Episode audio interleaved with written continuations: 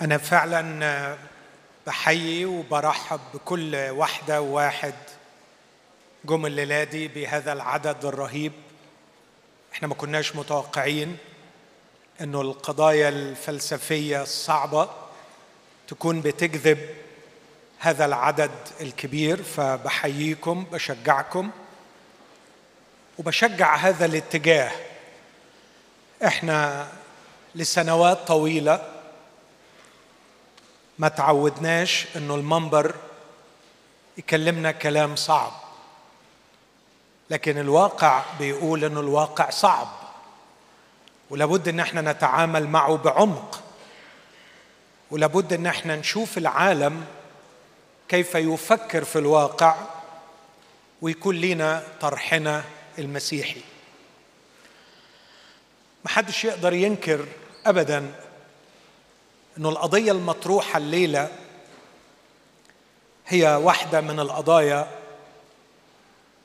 اللي ناس كتيرة قوي صرعت معاها. ناس كتيرة بتحس ان ربنا غامض مختبئ. كتير طلبوه كلموه استنوه لكن ما فيش أي رد. وده خلاهم عثروا في الله. خلاهم رفضوه. خلاهم خدوا موقف منه وابتعدوا عنه. علشان كده في منتهى الأهمية أن إحنا نطرح هذا الأمر ونحاول أن نناقشه. وسيم أشار إلى الطرح الفلسفي اللي بيطرحه أصدقائنا وإخوتنا الملحدين. وعلى رأسهم رجل كبير ضخم كتب ثلاث كتب في هذا الأمر اسمه شيلنبرغ.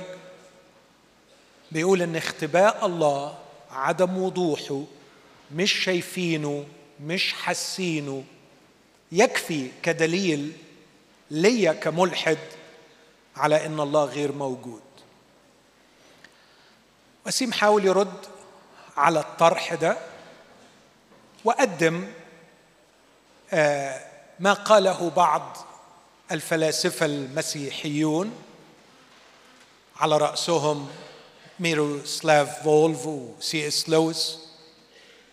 بيحاولوا يشوفوا من الناحية الفلسفية إزاي يردوا على الراجل ده. الراجل ده ما ينفعش يترد عليه من الكتاب المقدس لأنه لا يؤمن بالكتاب المقدس لكن بيردوا عليه بطريقة فكرية فلسفية. وختم وسيم بفكرة جميلة أرجو إن إحنا نكون انتبهنا إليها اللي بيطرحها عالم الاجتماع المسيحي الشهير بيتر برجر عن أشياء في هذه الحياة نتعامل معها بصورة يومية ننفعل بها ننفعل لها. أشياء من خبرتنا اليومية. بيقول إنه لا يمكن تفسيرها من هذا الواقع لكنها تأتي من واقع آخر متجاوز للواقع. وإذا كانت هناك خبرات متجاوزة لواقعنا فما المانع أن يكون هناك كائن متجاوز وواقع متجاوز لهذا الواقع. متجاوز يعني أعلى أسمى أبعد مختلف. فكل الكلام اللي سمعناه في المحاضرة السابقة هو محاولة اشتباك راقي فكري مع شخص يرفض وجود الله بسبب قضية اختباء الله. أنا هحاول أكمل في هذا الاتجاه لكن هاخد شوية النظرة المسيحية مش هرد من منطلق فلسفي. أو من منطلق علمي اجتماعي لكن من منطلق مسيحي معتمدا على إلى حد كبير على الكتاب المقدس وكيف يتعامل مع هذه القضية. فهمر بسرعة على بعض الأفكار بعضها هعديه بسرعة وبعضها أحاول أقف قدامه وقفة أطول لأنه ربما يكون ليها وده اللي نفسي اوصل له في الآخر بعض التطبيقات العملية في حياة إخوتي وأصدقائي الموجودين هنا أو اللي هيسمعوا ويشوفوا المحاضرة دي.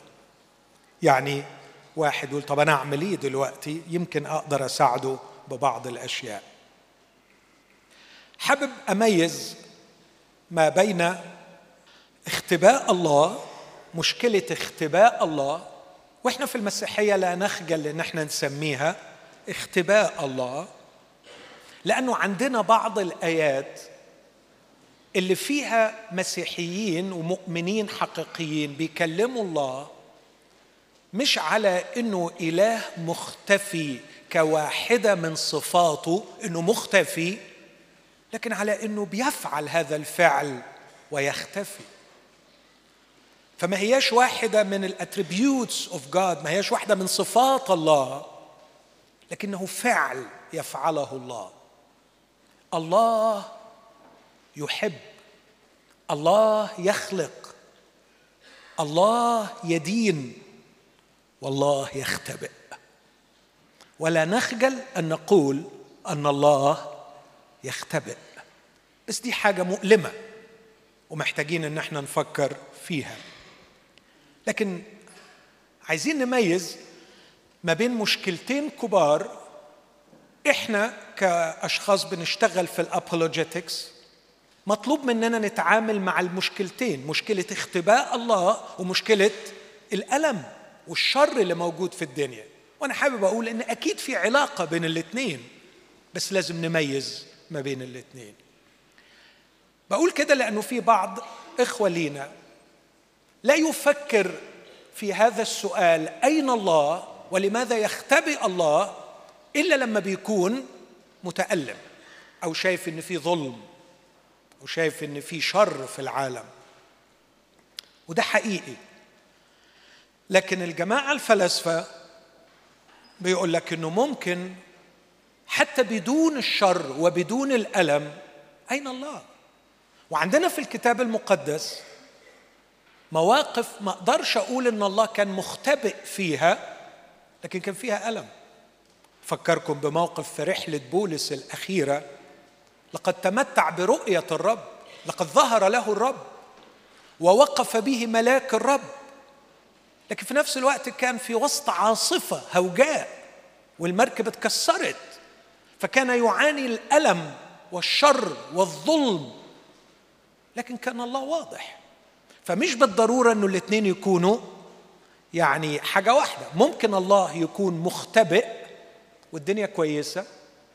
وممكن الله يكون واضح والدنيا وحشة فعايز نميز ما بين الاثنين لكن أكيد في علاقة بين الاثنين الامر الثاني إيه الغرض من المحاضرة دي؟ حابب أقول عن شيء من صراعي الشخصي مع اختباء الله. أنا عانيت كتير قوي من هذا السؤال. أنت فين يا رب؟ واقول لكم حاجة تستغربوا لها. أنا سألت السؤال ده لربنا قبل ما أبقى ملحد. وعشت كتير أقول أنت فين. ومرات كانت بتبقى بسبب الألم الشخصي ومرات مش بسبب ألم شخصي لكن بسبب إني مش شايفه. وسألت السؤال ده كتير لما ألحدت. لكن استغربوا لو قلت لكم إني سألت السؤال ده كتير بعد ما رجعت لربنا. ولا أنسى يوم معين في حياتي كان ليا صديق عزيز جدا لي ثلاث إخوات ماتوا في ريعان الشباب بالفشل الكلوي. وهو كان ولد جينيوس وكان متفوق. وفوجئنا انه هو كمان أصيب بالفشل الكلوي. فتوقعنا نفس النتيجة. وده كان بالنسبة لي خبر سيء جدا. آه تفاعلي مع هذا الخبر كان مبالغ فيه انهرت نفسيا. وكانت كل الكنيسة وكل المؤمنين بيصلوا لكن الولد كان بيذهب من تدهور إلى تدهور.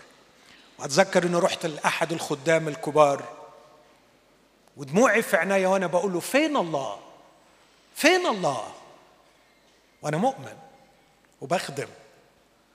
ساعتها بص لي من فوق لتحت وقال لي ضربك الشيطان أصابك بسهم من سهامه يا خسارة يا خسارة ما كنتش أتوقع أن أنت كمان تسأل السؤال ده.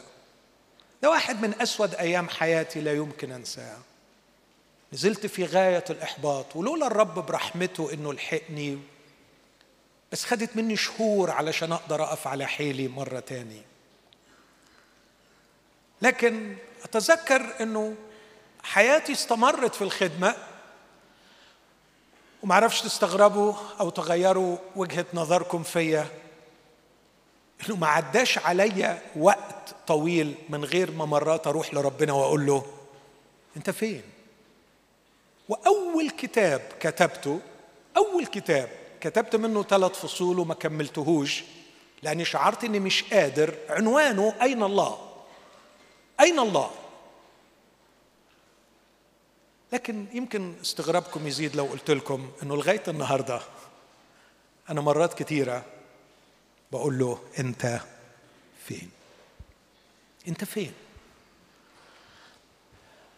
لا أشك طبعا في وجوده.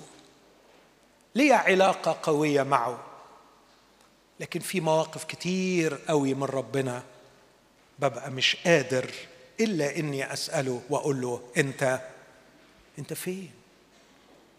مرات تانية يمكن ما بتبقاش أنت فين بلغة غضب لكن ببقى بشوق أقول له نفسي أشوفك. أنت ليه مستخبي؟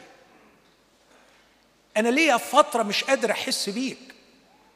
أنا ليا فترة مش قادر أستمتع بخبرة حضورك كما عودتني. أنت فين؟ فمش ضروري أنت فين وأكون شايفه مختبئ بسبب الغضب أو الحزن لكن مرات بتكون بسبب الشوق. وشيء مؤلم إنك تكون مشتاق على حد ونفسك تشوفه ونفسك تتكلم معاه وهو مستخبي. حقيقي مستخبي. تبقى أيام صعبة. فعايز أقول إنه هذا السؤال يلزمنا أن نبحث عن جواب.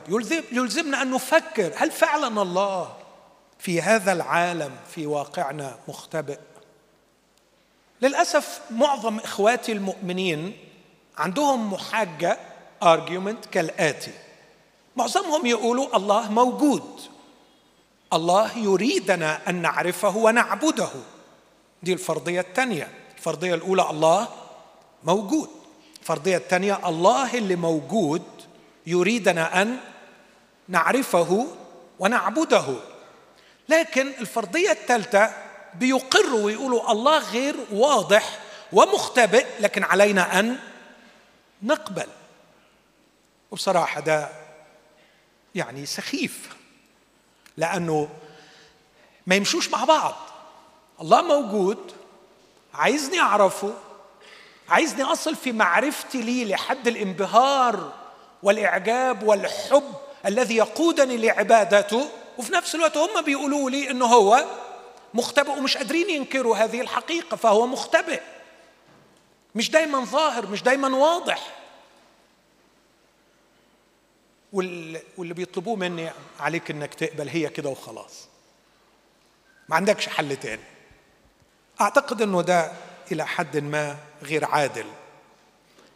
فبقول إن الحل في هذه المحاجة الخاطئة هو إما الإنكار إنكار الاختباء أو الاستسلام للواقع وكلاهما من وجهة نظري إهانة لله. أوضح دي بسرعة. يعني لو جالك واحد وقال لك أنت بتتكلم في إيه؟ أنت بتقول إيه؟ يعني إيه ربنا مختبئ؟ ده أنا الدنيا معايا ماشية حلاوة. ده أنا وهو يعني ده بيكلمني كل لحظة وإحنا الاتنين هيمنين مع بعض. فين فين الاختباء ده؟ ده هجاز ده هجاز خدها مني من الآخر. أكيد جت علينا أيام حلوة. استمتعنا بحضرته. لكن في أيام تانية كانت ضلمة. وما كناش شايفينه. فاللي يقول لك إن الدنيا حلاوة على طول كده والمسألة سهلة وبسيطة ده غالبا بيتكلم عن حاجة يعني يمكن يحتاج مساعدة نفسية. لكن في واحد تاني بيقول لك أيوه فعلا هو مختبئ بس هو ده الواقع وأهالينا مشيوا كده وما تتفلسفوش وخلونا نكمل كده ونستسلم لهذا الأمر. لكن من وجهة نظري من ينكر اختباء الله أو من يستسلم لاختباء الله كلاهما يهين الله. أنا عارف إن ده طرح قوي ناشف زيادة. على آخر المحاضرة بتاعتي يمكن أكون دفعت عنه إلى حد ما. في واحد من أشهر علماء الرياضيات وهو فيلسوف عظيم فرنساوي وحتى من قبل عصر التنوير والإلحاد اسمه بليز باسكال. كتب في مذكراته الشخصية هذه العبارة القوية. أي ديانة تنكر اختباء الله هي ديانة غير صحيحة. وأي ديانة لا تشرح لماذا يختبئ الله هي غير نافعة. وأنا الحقيقة موافق بكل قلبي على هذا الكلام. اللي بتنكر في شك فيها واللي ما بتعرفش تشرحه ما تنفعنيش. أنا عايز حد يشرح لي.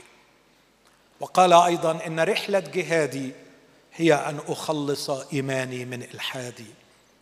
فكان إيمانه وثقته في الله تسير جنبا إلى جنب مع شكوكه وقال إن جهادي المستمر أن أخلص إيماني من الحادي. ما تقلقش لما يكون عندك كده.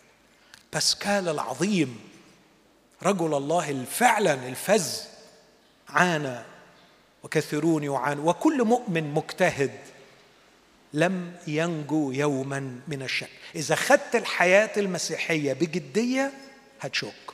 ولازم تشك ولازم تتعامل مع هذا الشك. لكن كمان أضيف طرح أقوى واقول إن أي مسيحي ينكر اختباء الله في اعتقادي هو لم يقرأ الكتاب المقدس. مزمور عشرة عدد واحد. يا رب لماذا تقف بعيدا؟ لماذا؟ لماذا إيه؟ تختفي. مش لماذا أنت مختفي لكن ده فعل. الله بيعمل إيه؟ بيختفي. لماذا تختفي في أزمنة الضيق؟ مزمور 44 عدد 23 استيقظ. لماذا تتغافى يا رب؟ انتبه. لا ترفض إلى الأبد. لماذا تحجب؟ تحجب يعني تهيد تخفي وجهك وتنسى مذلتنا وضيقنا. لأن أنفسنا منحنية إلى التراب. لصقت في الأرض بطوننا. قم عونا لنا وافدنا من أجل رحمتك. أيوب 13 24 لماذا تحجب؟ يعني تخفي وجهك وتحسبني عدوا لك. إشعيا 45 عدد 15 حقا حقا. دي الكونكلوجن دي الخلاصة بتاعتي كمؤمن. ودي إشعياء وإشعياء ده بدأ سفره بأنه موجود فين؟ في محضر الله وراء الله. رأيت السيد الرب. لكن قبل ما يخلص السفر بتاعه بيقول حقا أنت إله محتجب. إله محتجب يعني hiding himself. أنت إله تخفي نفسك. يا إله إسرائيل المخلص. رغم أنك مخلص لكن بتخبي نفسك. وأنا مطلوب مني كخادم مسيحي أنا أشرح. والمسيحية إذا عجزت عن شرح لماذا يختبئ الله تبقى طبقا لباسكال ديانة غير نافعة. لكن في نص جميل أنا بحس إن إحنا بنسيء فهمه سمعت قبل كده حد بيشجعك ويقول لك خليك مؤمن آه، شدد إيمانك المهم الإيمان ليه؟ لأننا نسلك بالإيمان لا بالعيان العيان حاجة وحشة والإيمان حاجة حلوة مش كده؟ مش ده اللي تعودنا نسمعه رايت؟ ده اللي إحنا طول عمرنا بنسمعه إن إحنا بنسلك بالإيمان وليس بالعين بس النص ده الحقيقة بيقول حاجة تاني خالص اقرأ معايا النص بتدقيق وشوف المسيحية بتقول إيه. بولس في كورنثوس الثانية خمسة وأنا قصدت أجيب من العهد الجديد. طبعا في نصوص كتير تاني في العهد القديم ونصوص في العهد الجديد بس أنا جبت مجرد عينة. بيقول فإذ نحن واثقون ده يقين كل حين وعالمون أننا ونحن مستوطنون في الجسد نحن متغربون عن الرب. دي حلوة ولا وحشة؟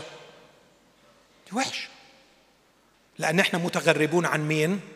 عن الرب. إحنا نفسنا نعمل إيه؟ نفسنا نعمل إيه؟ طب أكمل عشان تجاوبوا صح. سيبك من عدد سبعة لأننا بالإيمان نسلك لا بالعيان ويا وعظات اتعملت عليها بالإيمان نسلك لا بالعيان يقول في عدد ثمانية فنثق ونصر بالأولى. الاختيار الأفضل لينا مش إن إحنا نستوطن في الجسد ونتغرب عن الرب. الاختيار الأفضل أن نتغرب عن الجسد ونستوطن عند الرب. بس لغاية ما يتحقق الحلم أهو مكتوب علينا نسلك بالإيمان وليس بالعيان. واخدين بالكم الفكرة؟ فحتة نسلك بالإيمان وليس بالعيان دي مش حاجة حلوة بيمدحها ده بيندب. ده بيندب حظه. بيقول يا مؤمنين المفروض الوضع الصحيح بتاعنا كأولاد الله أن نستمتع برؤية الله بإيه؟ بالعيان بس في سبب لازم ندور عليه. مخلينا مش شايفينه بالعيان. طب علشان مش شايفينه بالعيان هنقطع علاقتنا بيه؟ لا. طب هنسلك معاه إزاي وإحنا مش شايفينه؟ نسلك بإيه؟ بالإيمان؟ فالإيمان هو البديل المؤقت حتى ينفجر الصباح حتى يأتي أصلا ويذهب الشتاء ويأتي الربيع وتورق الأشجار. عارفين القصة بتاعت نارنيا؟ نارنيا طول ما اسلا غايب الدنيا إيه؟ شتاء وبرد. وفي شتاء غيابه عنا. نسلك بالإيمان. لكن ليس هو محط الأمال. إن رجاءنا العميق في داخلنا يوما ساراه هشوفه بعناية. ترنيمة مدارس أحد قديمة تقول والغالي عليا هتشوفه عنيا ربي الغالي حبيبي يسوع. ولما هشوفه بسرعة راح أنسى كل ألام وأحزان ودموع. إن الكنيسة تعيش على رجاء أن اختباء الله سوف ينتهي وأننا سوف نلتقي وستراه كل عين وهم سينظرون وجهه واسمه يكون على جباب. لكن لغاية ما يجي اليوم ده هنعمل إيه؟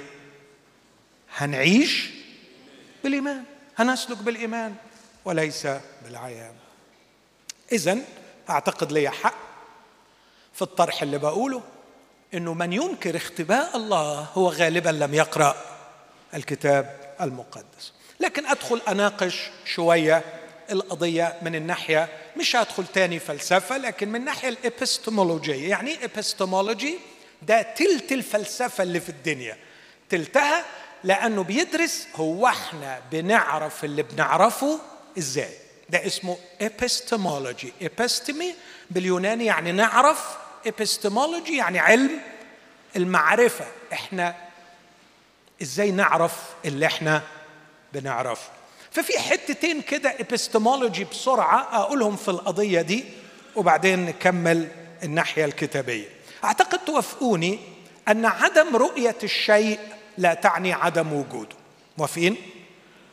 تالي دي سهلة ها؟ مش محتاجة براهين. عدم رؤية الشيء لا تعني عدم وجوده. فقد يكون الشيء موجود لكني لا أرى. الموجات الكهرومغناطيسية حياتنا كلها معتمدة عليها دلوقتي. تليفونات الواي فاي كل الدنيا الإنترنت كله شغالين بموجات عمرنا ما شفناها لكن ما يطلعليش واحد جاهل النهارده ويقول إنها مش موجودة.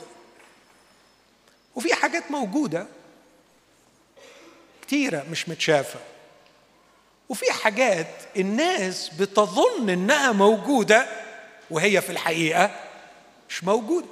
حد فاكر الكلمة دي؟ الجيل بتاعي يعرف كده. على موجات الأثير يأتيكم صوت مش عارف مين. حد سمع موجات الأثير؟ الجيل القديم بتاعي يعرف. سمعتوه أنتوا يا شباب؟ كلمة موجات الأثير دي ما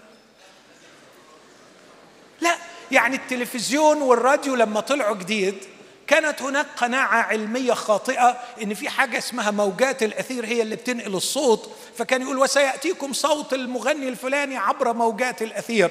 طلع إنه فيش حاجة اسمها موجات أثير ولا يحزنون. لكن عاش العلماء مقتنعين إنها موجودة وطلعت مش موجودة. ففي حاجات إحنا مش شايفينها لكن معناها مش إن إحنا مش شايفينها إنها مش موجودة لأنه كمان في حاجات ظنوا إنها موجودة وطلعت. مش موجوده السراب ميراج. عارفين كلنا الظاهرة في الصحراء إن واحد يلاقي مية وحاجة شايفها ده العكس بقى حاجة شايفها لكن بيكتشف إنها مش موجود. فليس كل ما لا تراه غير موجود وليس كل ما تراه موجود. علشان كده لابد من البحث عن وجود ما لا نراه وفحص حقيقة ما نرى. أعتقد ده درس مهم نطلع به النهارده. إذا كان هناك شيء لا تراه لكن هناك بعض الأدلة على وجوده عليك أن لا تتجاهل وجود هذا الشيء لمجرد أنك لا تراه لكن عليك أن تبحث. وإذا كانت هناك أشياء موجودة تراها قد لا تكون موجودة رغم أنك تراها لذلك لابد أن تنمي عندك فضيلة الفحص. يبقى ما ننساش الكلمتين دول بحث وفحص. أبحث عن ما أظن أنه موجود وأنا لا أراه وأفحص ما أظن أنه موجود وأنا اراه لأنه من الممكن أن يكون خداع البصر. لو طلعنا بالفضيلة دي هتشغل عقلنا شوية وهتخلينا مهيئين لمزيد من البحث. لكن البحث والفحص يحتاج إلى بعض الأشياء اللي أي واحد بيفهم في الإبستمولوجي هيوافقني عليها. البحث والفحص يحتاج إلى الموضوعية. To be objective. لازم تكون موضوعي. يعني إيه موضوعي؟ يعني ما تكونش في البحث بتاعك ناوي على النتيجة من قبل ما تبحث. بصراحة كده لو ناوي على النتيجة من قبل ما تبحث وفر على روحك التعب ليه تغلب نفسك؟ وياما ناس بتبحث في المسيحية وهي مصرة على أن تظل على ما هي. طب ليه يا حبيبي وجع القلب؟ ليه تتعب روحك؟ كن موضوعي. يعني إيه كن موضوعي؟ قال مرة رافي زكرايز وهو يتكلم عن نبيل قريش الذي قبل المسيح وتحمل الكثير. قال تعبير حلو قوي في جنازته. قال كان دائما يبحث عن الحق. لكن ليس فقط. لكن كان على استعداد أن يذهب وراء الحق إلى حيث يأخذه. دي الفضيلة الحقيقية. مش إنك بس تدور على الحقيقة لكن يكون عندك استعداد إنك تمشي ورا الحقيقة حيثما تأخذك. تاخدك لحتة صعبة تاخدك لحتة حلوة. لو ناوي تمشي ورا الحقيقة يبقى ما تسألش هي واخداك على فين. لكن لو مش ناوي طب ليه بتغلب روحك وتدور؟ عندي قصة عن عالم فيلسوف في جامعة نيويورك راجل قمة في الفلسفة اسمه توماس ناجل. الراجل ده عمل review لكتاب فلسفي تقيل كتبه فيلسوف مسيحي اسمه ألفن بلانتينجر. الفيلسوف المسيحي ألفن بلانتينجر كتب كتاب بيقول هو الصراع فين بالظبط؟ هل الصراع بين الإيمان والعلم ولا الصراع بين الإيمان وبين النظرة المادية الطبيعية اللي رافضه وجود أي شيء وراء هذه الطبيعة؟ ده ده الكتاب كله. والكتاب ده في ناس كتيرة عملت review ليه review يعني أنت بتعمل نقد لهذا الكتاب. من ضمن الناس اللي نقدوا الكتاب ده توماس ناجل. وطبعا كلنا كنا نتوقع إن الملحد الشرس ده الفيلسوف الشرس في إلحاده لما هيمسك كتاب زي ده هيعمل إيه؟ هيشرحه وهيطلعه كله غلط. لكن ده اللي كتبه وأنا هكتب بعد كده فين الكلام ده أو هوريكم على ال slide. بص أنا ترجمت ال review بتاع آخر paragraph ال review بتاعه طويل قوي ده آخر paragraph فيه. بيقول المثير من جهة هذا الكتاب خاصة للقارئ اللاديني أنه صادر عن رؤية عقل مؤمن بالله لكنه في نفس الوقت عميق جدا فلسفيا وواع جدا علميا وكأنه بيقول سبحان الله يعني. إزاي واحد مؤمن بربنا وفي نفس الوقت عميق فلسفيا وواعي علميا وكأن دي حاجات يعني ما تركبش مع بعض. ودي طبعا خيبتنا إحنا لأنه كتير إحنا ما بنشجعش اولادنا يتعمقوا فلسفيا ويرتفعوا علميا.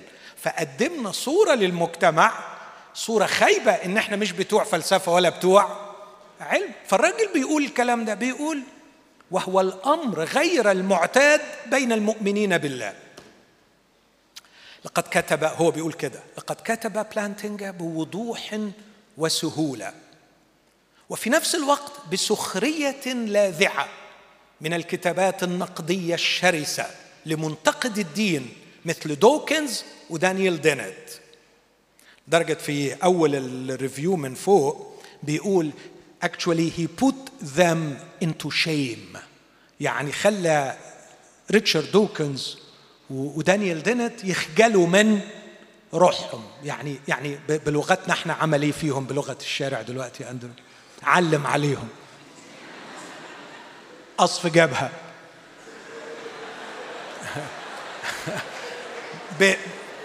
بلغتي أنا بتاعت زمان شحورهم يعني. لكن بص توماس ناجل بيقول إيه؟ وركز معايا في اللي جاي لأنه ده أهم جزء. بيقول إنه إن موقفه الواعي الشامل لا إسهام عظيم في هذا الحوار. يعني الكتاب اللي كتبه ده إسهام عظيم في الحوار بين الدين والعلم. بعدين يقول وده شيء مخيف أقول هذا كشخص لا يمكن أن يتخيل نفسه أنه في يوم من الأيام يمكن أن يؤمن بما يؤمن به بلانتينجا. خدتوا بالكم من العبارة الأخيرة دي؟ شكلكم ما خدتوش بالكم. خدتوا بالكم اللي بيقولوا؟ يعني هو مقتنع جدا بالكتاب مقتنع جدا بالحجج بيقول الحجج دي سحقت دوكنز ودنت وعلمت عليهم وخلت الكلام بتاعهم أي كلام. وأنا الحقيقة بقول إن الكلام بتاعه إسهام عظيم في هذا المجال بس في الآخر أنا مستحيل أآمن باللي هو بيقوله. اذا رفض الإيمان بالله كثيرا يكون موقفا مسبقا. رفض قبول المسيح مرات كثيرة بيكون موقفا مسبقا. تحدده اعتبارات أخرى غير الاعتبارات الفكرية التي يقود إليها اكتشاف الحقيقة. فالمسألة ليست اكتشاف الحقيقة من جهة هذا الأمر أو من جهة ذاك الأمر لكن المسألة أين ستضعني هذه الحقيقة؟ هل ستربحني أم ستجلب علي اضطهادا ومرارا وألما؟ هل سترفعني أم ستقطعني من جذوري وتضعني وربما تدمرني؟ إني أبحث عن الحقيقة التي تخدمني أبحث عن الحقيقة التي تكرمني وترفعني أبحث عن الحقيقة التي أربح من ورائها أو على الأقل أستريح فيها. إذا كان هذا هو موقفي فأعتقد إن ده موقف غير موضوعي. ما ينفعش. فاللي هيبحث في قضية اختفاء الله لابد أن يبحث بموضوعية. الحاجات اللي قالها وسيم من شوية تبدو يعني معقول. تفكر فيها بموضوعية يعني. فكر في الضحكة فكر في رغبة الإنسان أنه everything يكون alright. فكر في رغبة الإنسان أن يتجاوز الزمن ويدخل إلى الأبدية. فكر في رغبة الإنسان أن يكون في عدل ودينونة. فكر في الحاجات دي يا أخي. فكر فيها بموضوعية. هل هي اختراعات بشرية؟ هل يمكن تفسيرها بالكيمياء؟ فكر فيها. لكن أرجع تاني وأقول البحث والفحص يحتاج إلى الموضوعية لكن كمان يحتاج إلى المنهجية الصحيحة. تعلمنا كتير لما نيجي نعمل بحث أول سؤال يسأله لك الأستاذ اللي هيشرف على البحث بتاعك الموضوع. تاني سؤال الميثود. هتعمل إيه؟ هتبحث إزاي؟ المنهجية بتاعتك في البحث. وده مهم قوي ما هي منهجيتنا في البحث عن اختباء الله هندور إزاي ده مهم قوي وهيوصلنا لنقطة مهمة في الطرح بتاعنا النهارده. هل نعمل العقل على العقل أم نعمل العقل على الإعلان؟ إيه اللي أقصده بالكلام ده؟ أقصد إنك لما هقتبس هنا سي إس لويس وهقتبس توفيق الحكيم. سي إس لويس وهو بيشرح القضية بتاعت ربنا قال يا جماعة لازم كل حاجة لها طريقتها في البحث. فقال مثلا أنا لو عايز أفحص حقيقة حجر المسؤولية كلها تقع علي أنا مية في المية لأنه الحجر هفتته وهفحصه وأحطه تحت الميكروسكوب وأشوفه. لكن لو هفحص حيوان 80% عليا 20% عليه علشان يتعاون معايا. لو هفحص إنسان 50 50 لكن لو لو عايز أعرف حقيقة ملك البلاد أو رئيس البلاد أعتقد أن النسبة الكبيرة تقع عليه هو علشان يتكرم ويطلع ويعرفني بنفسه. فقال إذا أردنا أن نعرف الله النسبة الكبيرة تقع علينا ولا عليه؟ عليه. أن يخرج من مخبئه أن يخرج من وراء حجابه. أن يعلن نفسه. لأنه أنا عقلي محدود. لما بات أنا أشغل عقلي مش هعرف أوصل له. هو كبير قوي وأنا صغير. لازم يديني حاجة أشتغل عليها. لازم هو يطلع من ورا الستارة دي ويقول أنا هو وساعتها أنا أعرف أشغل عقلي. توفيق الحكيم كتب رواية جميلة أنصح بأنك تقراها اسمها أريني الله مش رواية قصة قصيرة. ست سبع صفحات. حرام إنك ما تقراهاش أريني الله. القصة دي بتقول إنه في راجل ربنا رزقه وهو في سن كبير بطفل صغير وجاله بعد شوقة طويلة فكان فرحان بابنه قوي وكل حاجة ابنه بيطلبها بيجيبها له. جه الولد في يوم من الأيام وقال له بابا بابا. قال له نعم حبيبي. قال له أنا بسمعك كتير قوي. تقول الله الله الله. لما أقول لك نروح تقول لي إن شاء الله. لما تاكل تقول الحمد لله. كل حاجة تقول بإذن الله. قال له طب وبعدين عايز إيه؟ قال له وريني الله. أرني الله. فالراجل طبعا جات له خضة. قال له كيف أريك ما لم أره أنا لنفسي؟ إزاي اوريهولك يعني؟ قعد يعيط الواد. وعارفين زن العيال؟ وعيل جاي بعد شوقة. وقعد يزن على أبوه. أبوه راح يسأل الشيوخ والأسوس وكل خلق الله. اعملوا معروف قولوا لي إزاي أشوف الله علشان أخلي ابني يشوفه. فطبعا ضحكوا عليه. وسخروا منه. لكن واحد من الناس الأصدقاء قال له في رجل زاهد ناسك خارج المدينة اذهب إليه لعله يساعدك. فذهب إليه وقال أيها الناسك جئتك في حاجة أرجو أن لا تردني. ابني يريد أن أريها الله. أرني الله. قال له هل جننت يا رجل؟ كيف تريد أن ترى الله؟ بعدين في الآخر بعد حوار قال له لا تستطيع أن ترى الله إلا إذا تكشف هو لك. إلا إذا تكشف هو لك. كلمة تكشف دي هي نفسها الكلمة اللي إحنا بنستعملها. الإعلان الرب يسوع يقول لبطرس لحم ودم لم يعلن لك لكن أبي الذي في السماوات.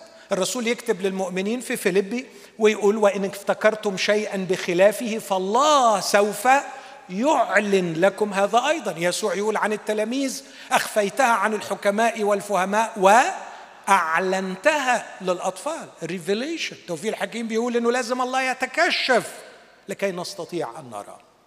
إذا نحن نحتاج لما يسمى الإعلان الإلهي. لكن في ناس اسمعني هنا بقى بتمجد عقلها والله يخليكم مجدوه أكتر فالعقل نعمة. مجدوه أكتر بس العقل أداة وليس مصدر. العقل أداة للتفكير أداة للبحث. مجد عقلك وشاربن عقلك وحدد عقلك. لكن السؤال عقلك هيشتغل على إيه؟ لو عقلك هيشتغل على زبالة هو عقل نظيف بس بيشتغل على حاجة؟ أي كلام. آه عقلك حلو قوي بس أنت حاصر روحك في حتة معينة عمال تشغل عقلك عليها طب هتطلع إيه يعني؟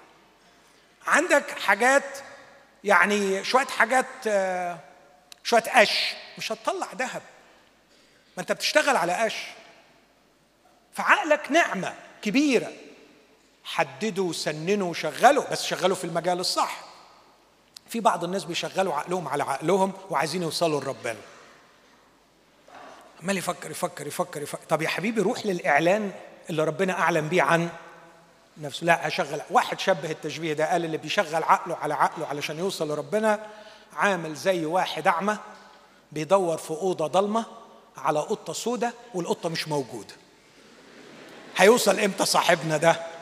هو أعمى والأوضة ضلمة والقطة سودة والقطة كمان مشيت. لابد أن نقبل فكرة الإعلان الإلهي. لما نيجي لفكرة الإعلان هنا بقى المسيحية وهي بتناقش قضية اختباء الله بتقول إن ربنا فعلا أعلن عن نفسه بس أعلن عن نفسه بطريقتين. أعلن حاجة اسمها الإعلان العام وأعلن حاجة اسمها الإعلان الخاص. في روميا واحد نشوف الإعلان العام من خلال الطبيعة والخليقة والتاريخ وخبرات الناس المختلفة لكن في حاجة اسمها الإعلان الخاص ودي في عبرانين واحد. الإعلان العام هو لكل الناس لكن ربنا إدى كمان حاجة اسمها الإعلان الخاص. إيه هو الإعلان الخاص؟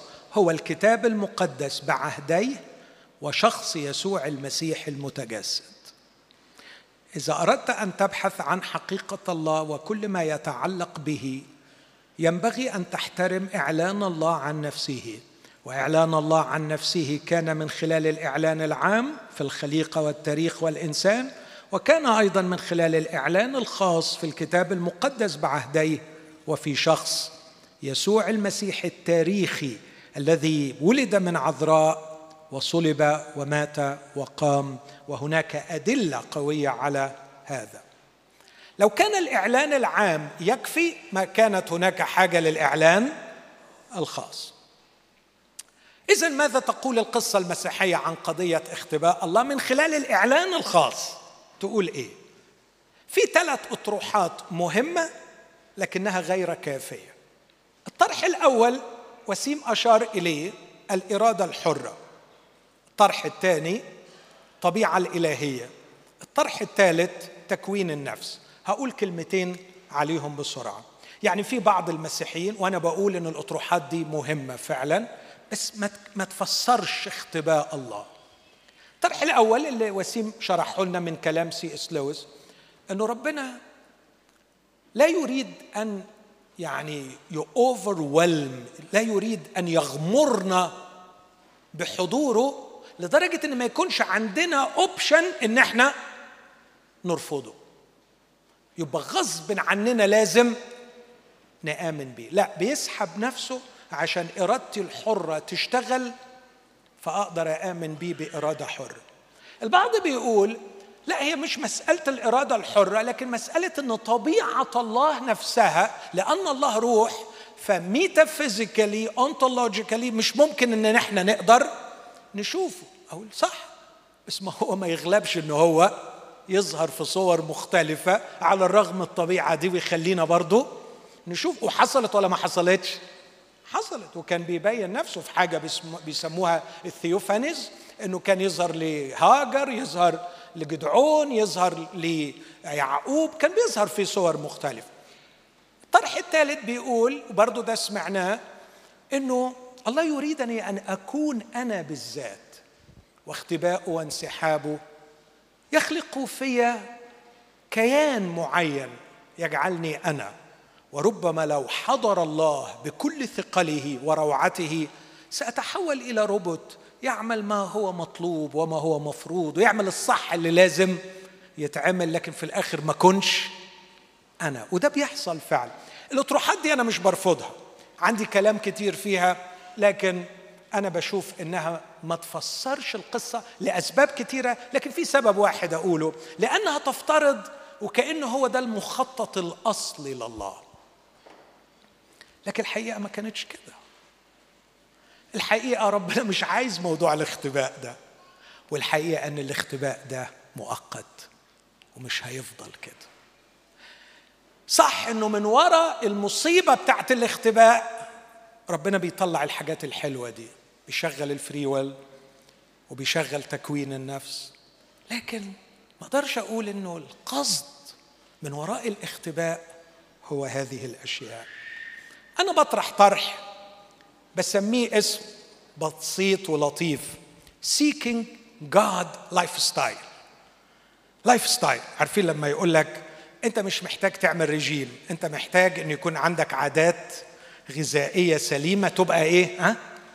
lifestyle lifestyle يعني خلاص تتبرمج على كده مش هتعمل diet لمدة ثلاث شهور لا هتعيش طول عمرك على نوع معين من ال diet. أنا أعتقد إن إحنا محتاجين آه، حاجة معينة نطورها.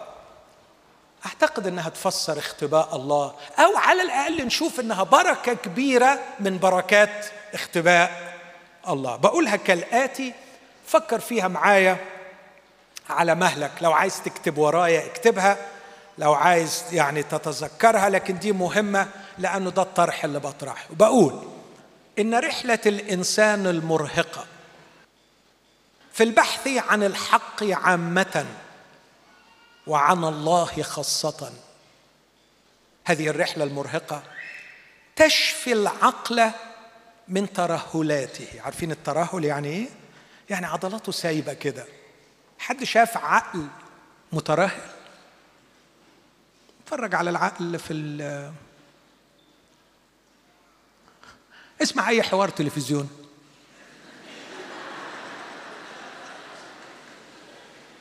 عقول مترهلة. عقول مش مشدودة. يعني تقول حاجة يرد في حتة تاني خالص. كلام مش كلام مش مش ماشي ما فيش تسلسل منطقي. فعلا حدث إفساد للعقل وترهل للعقل. لكن الأشخاص الجادين الذين يبحثون عن الحق عامة لكن عن الله المختبئ خاصة هذه الرحلة المرهقة تشفي العقل من ترهلاته. اسمع. وتخلص الروح من سمومها. وما يسمم الروح هي البغضه والأكاذيب. هذا هو سم الحية الذي سرى في روح الإنسان. وهذه السموم في الروح تقتل عطشها إلى الله. ففي رحلة مضنية في البحث عن الله المختبئ والذي أحيانا يزيد من اختبائه يشفى العقل من ترهلاته وتخلص الروح من سمومه. اسمع حتى إذا وصل الإنسان للحق يكون عقله قادرا على الإمساك به. وروحه قادرة على الارتواء منه. ولذا تعتبر رحلة البحث مهما كانت مضنية أهم من الوصول نفسه. ما قيمة أن تصل ولا تمسك ما قيمة أن تصل ولا ترتوي. لكن إذا أضنيت نفسك في رحلة البحث يصبح عقلك له عضلات قادر أن يمسك بالحق. وتصبح روحك مفتوحة الشهية قادرة أن ترتوي من الله. فيصبح تصبح الرحلة أهم من الوصول. وهذا في رأيي يستلزم قدرا من اختباء الله. لكن كمان زي ما قلت إن في ثلاث أطروحات بيطرحهم الإعلان المسيحي لكنهم غير كافيين. في ثلاث أطروحات كافية. الطرح الأول الأمر لم يكن من البدء هكذا ولن يستمر هكذا. ده الطرح المسيحي الواضح. تكوين ثلاثة كان الإنسان مع الله. وكان فكر الله إن الإنسان يفضل شايف الله ومستمتع بالله. وهنا ترجع كلمة باسكال الديانة التي لا تستطيع أن تفسر اختباء الله هي غير نافعة المسيحية تفسر من خلال كارثة كبرى حدثت في تاريخ البشر اسمها السقوط. كانش فكر الله أن الإنسان يبقى في حتة والله في حتة والله يبقى مستخبي من الإنسان. لكن كان آدم يسمع صوت الرب الإله ويرى الرب الإله بطريقة مش عارفين أبعادها. لأن إحنا مش عارفين حتى الوضع اللي كان عليه آدم قبل السقوط مش عارفين كل أبعاده. لكن لم يكن الوضع هكذا. والخبر الجميل قال الجالس على العرش ها أنا أصنع كل شيء جديدا وينتهي ويقول وهم سينظرون وجهه. واسمه يكون على جباههم. هو ذا مسكن الله مع الناس. لن يكون هناك اختباء. لم يكن هناك اختباء قبل السقوط لن يكون هناك اختباء في السماء الجديدة والأرض الجديدة. النقطة الثانية دي بمليون دولار. ركز معايا فيها. قبل أن يختبئ الله من الإنسان في تكوين أربعة اختبأ الإنسان من الله. ركز معايا في دي من فضلك. وأنا الحتة العملية اللي هقولها. الله مستخبي. أيوه. بس أنت كمان مستخبي. وبدل ما تقعد تصرخ في ربنا وتقول له اطلع ما تتخباش ابدأ بنفسك واطلع أنت من خبائك. تعرف يا حبيب قلبي يا غالي إنك عايش طول عمرك ما بتعملش حاجة غير إنك تستخبى. وانت عمال تستخبى وتغوص في سراديبك لتختفي عمال تصرخ وتقول هو ربنا ليه؟ مستخبي. طب اطلع يطلع لك. زمان وإحنا عيال في المدرسة نقول له طب اطلع لي بره. طب اطلع بره. انت قاعد مستخبي في الحتة بتاعتك وعايز تشوف ربنا. هو مستعد يطلع لك بس انت اطلع. ربنا مش هيروح لك في الحتت اللي انت فيها. مش هيوري لك نفسه وانت عمال تستخبى منه. اقتربوا إلى الله يقترب إليكم. اسمع الآية دي في رسالة يعقوب. اقتربوا إلى الله. يعمل إيه؟ اقترب إليه. اطلع. اطلع من الكذب اللي انت فيه. اطلع من الزيف والخداع اللي لافف روحك بيه. خليك اوثنتك يا أخي. خليك أصيل يوم. كفاية كذب كفاية تغطية. اطلع. وعلى قد ما تطلع هو هيطلع. تطلبونني فتجدونني. لكن الآية ما خلصتش. إذ تطلبونني بكل قلبكم. حقيقي مش كذاب. قبل أن يختبئ الله من الإنسان. القصة جميلة بس أنا مش عايز أخد وقت تاني. لكن في تكوين أربعة خرج قايين من لدن الرب. في تكوين ثلاثة في آخره طرد الرب الإله آدم من محضره واختبأ الرب الإله بعيدا عن الإنسان. لكن قبل ما آدم يطلع وقبل ما قايين يطلع آدم راح عمل إيه؟ اختبأ من الله. الطرح الثالث اللي بيقدمه أقوله تحت هذا الفكر أو في هذه العبارة. على الرغم من الاختباء كان دائما له عنوان. يعني اللي كان عايز يروح له كان بيعرف يلاقيه. لماذا وكيف يختبئ الإنسان؟ هي دي النقطة المهمة العملية. أعتقد أنه يختبئ وراء المجد الزائف. دالاس ويلرد بيقول حاجة غريبة قوي. بيقول ليه آدم وحواء ما أعرفش دي صح ولا لأ بس أنا عجباني يعني. آه بيقول آدم وحواء كانوا عريانين بس مش بيتكسفوا من بعض. تعرفوا ليه؟ دالاس ويلرد بيقول فكرة عبقرية. بيقول لأنه طبقا لمزمور 8 بيقول بمجد وكرامة كللته وكلمة مجد وكرامة هو بيقول إنها دايما مرتبطة بوهج إشعاع. فغالبا كان مليان بالمجد لدرجة إنه كان بيطلع وهج وجمال يخلي الشخص وهو بيتعامل مع التاني لا يرى عري الآخر من من شدة المجد زي موسى كده لما نزل من على الجبل.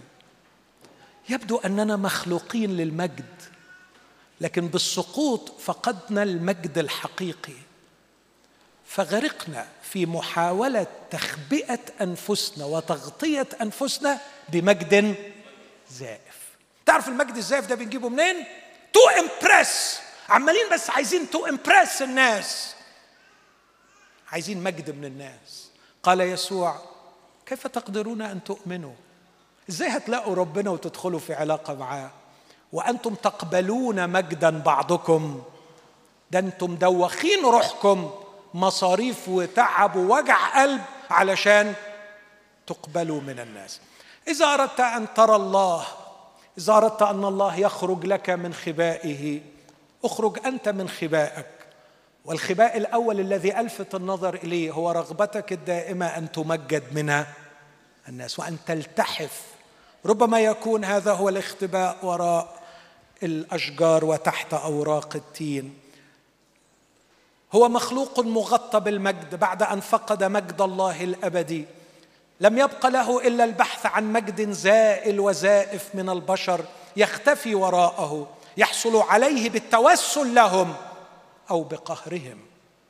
لكن كمان مش بس المجد الزائف الوجود الزائف.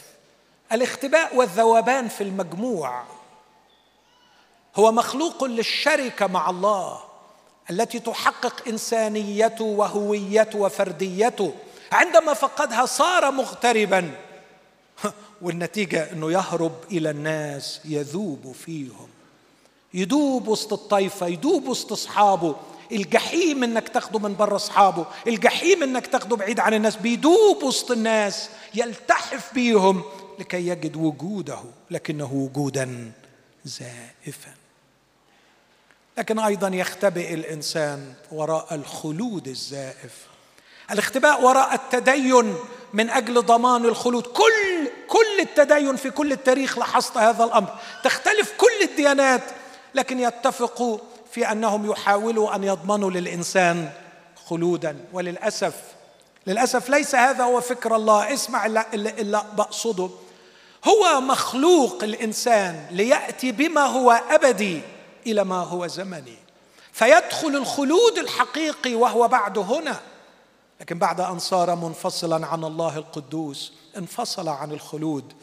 اتقطع من الاترنال فغرق في العلاقة مع المقدسات بدلا من العلاقة مع القدوس ظنا منه أنها ستمنحه الخلود مستقبلا.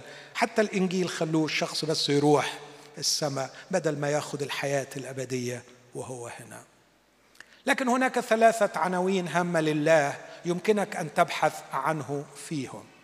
العنوان الأول ابحث عنه في شخص يسوع المسيح. العنوان الثاني ابحث عنه في شخص الروح القدس. والعنوان الثالث ابحث عنه في الكنيسة. أقول كلمة عن كل واحد. يوحنا واحد. الله لم يره أحد قط. مختبئ. لكن الابن الوحيد الذي هو في حضن الآب عمل إيه خبر. بس واحد يقول طب ما إحنا مش لاقيين المسيح بالجسد هنا. المسيح موجود في كلامه. والمسيح بيعلن الله من خلال كلامه. هقولها تاني. أنا مش محتاج المسيح بالجسد باللحم والعظم علشان يعلن لي الله الغير منظور. أنا محتاج المسيح في كلامه. بص النص ده. لو كنتم قد عرفتموني لعرفتم أبي أيضا ومن الآن تعرفونه وقد رأيتموه. وسؤالي الرب يسوع بيقول له فيلبس أنتوا شفتوا الآب فيا؟ يا ترى شافوا الآب في يسوع في مناخير ولا في عينه؟ شافوا الآب في شعره ولا في بقه؟ كيف رأى التلاميذ الآب في يسوع؟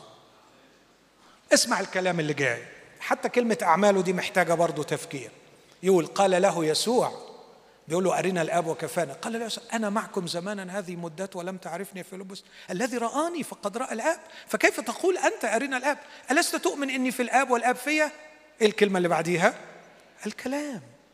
الكلام الذي أكلمكم به لست أتكلم به من نفسي لكن الآب الحال فيا هو يعمل الأعمال. كلمة الكلام هنا كل ما يعبر عن الآب فالكلمة هي التعبير سواء كان التعبير باللفظ أو بالعمل. لا يتكلم عن معجزات لكن يتكلم عن أعمال ظاهرة وكلمات ظاهرة تكشف طبيعة الآب. الله الاب معلن في شخص يسوع المسيح. هو صورة الله غير المنظور هو بهاء المجد ورسم الجوهر عندنا آيات كتير قوي بس ما فيش وقت. لكن كمان الروح القدس اسمعني في موضوع الروح القدس.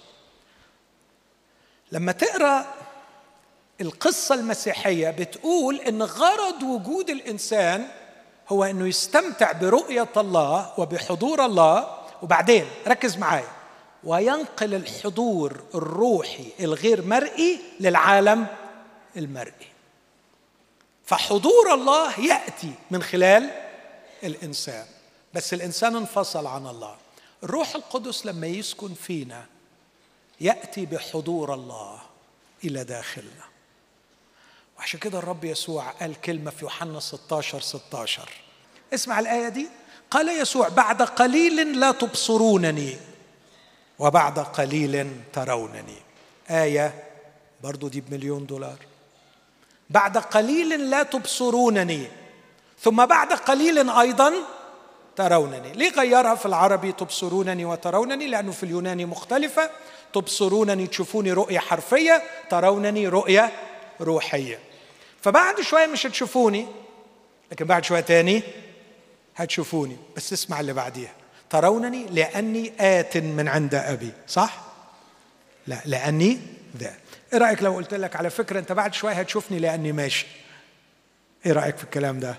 كلام يلخبط لكن يسوع كان يقصد إنه لما هيمشي هيروح للآب هيبعت الروح القدس. لما الروح القدس يأتي ويسكن فينا ينقل إلينا حضور الله فنقدر نشوف الله ظاهرا في شخص يسوع. الحاجة الأخيرة الكنيسة. هقرأ بس النص ده. أيها الأحباء إن كان الله قد أحبنا هكذا. ينبغي لنا أيضا أن يحب بعضنا بعضا. الله لم ينظره أحد قط.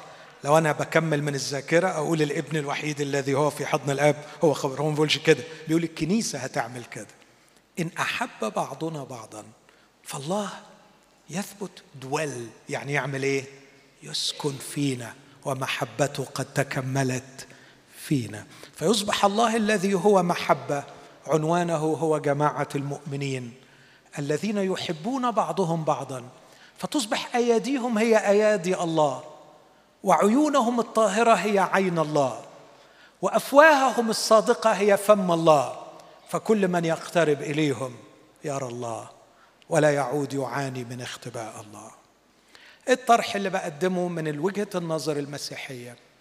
أقول في خلاصة قد تكون هناك بركات كثيرة من وراء اختباء الله منها احترام الإرادة الحرة منها تكوين النفس منها أن الطبيعة الإلهية يمكن لا يمكن أن نراها بشكل واضح في طبيعتها ونحن في هذا العالم الساقط. في بركات ممكن تحصل وتتحقق. في عملية شفاء للذهن. لكن الطرح المسيحي بيقول الأمر لم يكن هكذا من البدء والأمر لن يكون هكذا في المستقبل. لم يكن الله مختبئا ولن يظل مختبئا. وبين الاثنين الله موجود وظاهر. وله عناوين يمكن أن تذهب إليه فيها. لكن السؤال ما سر الاختباء لأن الإنسان سبق واختبأ؟ قبل أن يختبئ الله من الإنسان قرر الإنسان أن يختبئ من الله. واليوم أنا بقول لكل واحد شايف إن ربنا مختبئ؟ افحص اختبائك واطلع منه. اطلع من اللي انت مستخبي فيه. اقعد مع نفسك وشوف فينك انت الحقيقي. أنا مرات كتيره أقعد مع شخص سنين عايز أتعرف على قماشته الحقيقية مش عارف أوصل لها. حقيقي مش عارف أوصل لها. لأنه في layers layers layers layers في زيف زيف زيف زيف. في مجد زائف وفي وجود زائف وفي خلود زائف وفي دين وفي تدين. في حاجات كتيرة قوي. عشان تعرف الشخص الحقيقي مستخ... اطلع بقى. وعلى قدر خروجك من اختبائك على قدر خروج الله لك. حتى تلتقوا اللقاء الكامل في وجه يسوع المسيح. الله معلن في يسوع وانت تتقابل مع الله في شخص يسوع. وإذا قبلت هذا يأتي الروح القدس ويسكن فيك ويأتي إليك بحضرة الله فيصبح الله إلى حد كبير مرئي وتقدر تشوفه كل ما الروح القدس ما يكونش حزين فيك وما تكونش انت بتعك يستحضر لك الله وأيضا من خلال أولاد الله. أشكركم شكرا جزيلا على حسن استماعكم.